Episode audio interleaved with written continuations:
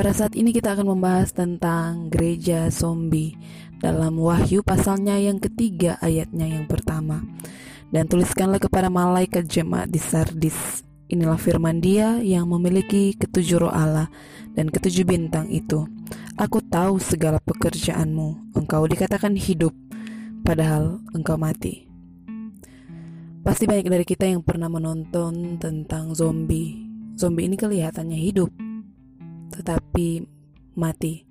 Sama seperti jemaat Tuhan yang ada di Sardis yang memiliki reputasi sebagai gereja yang hidup, yang memiliki banyak program di dalamnya, yang kelihatannya memiliki pelayanan yang begitu aktif, yang memiliki banyak pembicara, yang memiliki aktivitas-aktivitas rohani, yang kelihatannya aktif, tetapi pada kenyataannya mereka mati. Mengapa dikatakan sebagai gereja yang mati?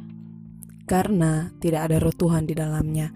Sama seperti ketika Tuhan menciptakan Adam dari debu tanah dan ketika Tuhan mengembuskan nafas hidup atau roh Allah ke dalam hidupnya, Adam menjadi makhluk yang hidup.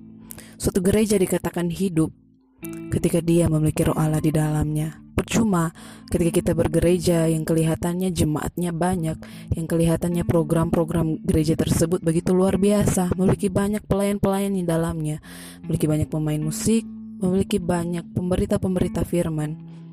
Tetapi ketika tidak ada roh Allah di dalam gereja tersebut, maka gereja tersebut katakan sebagai gereja yang mati.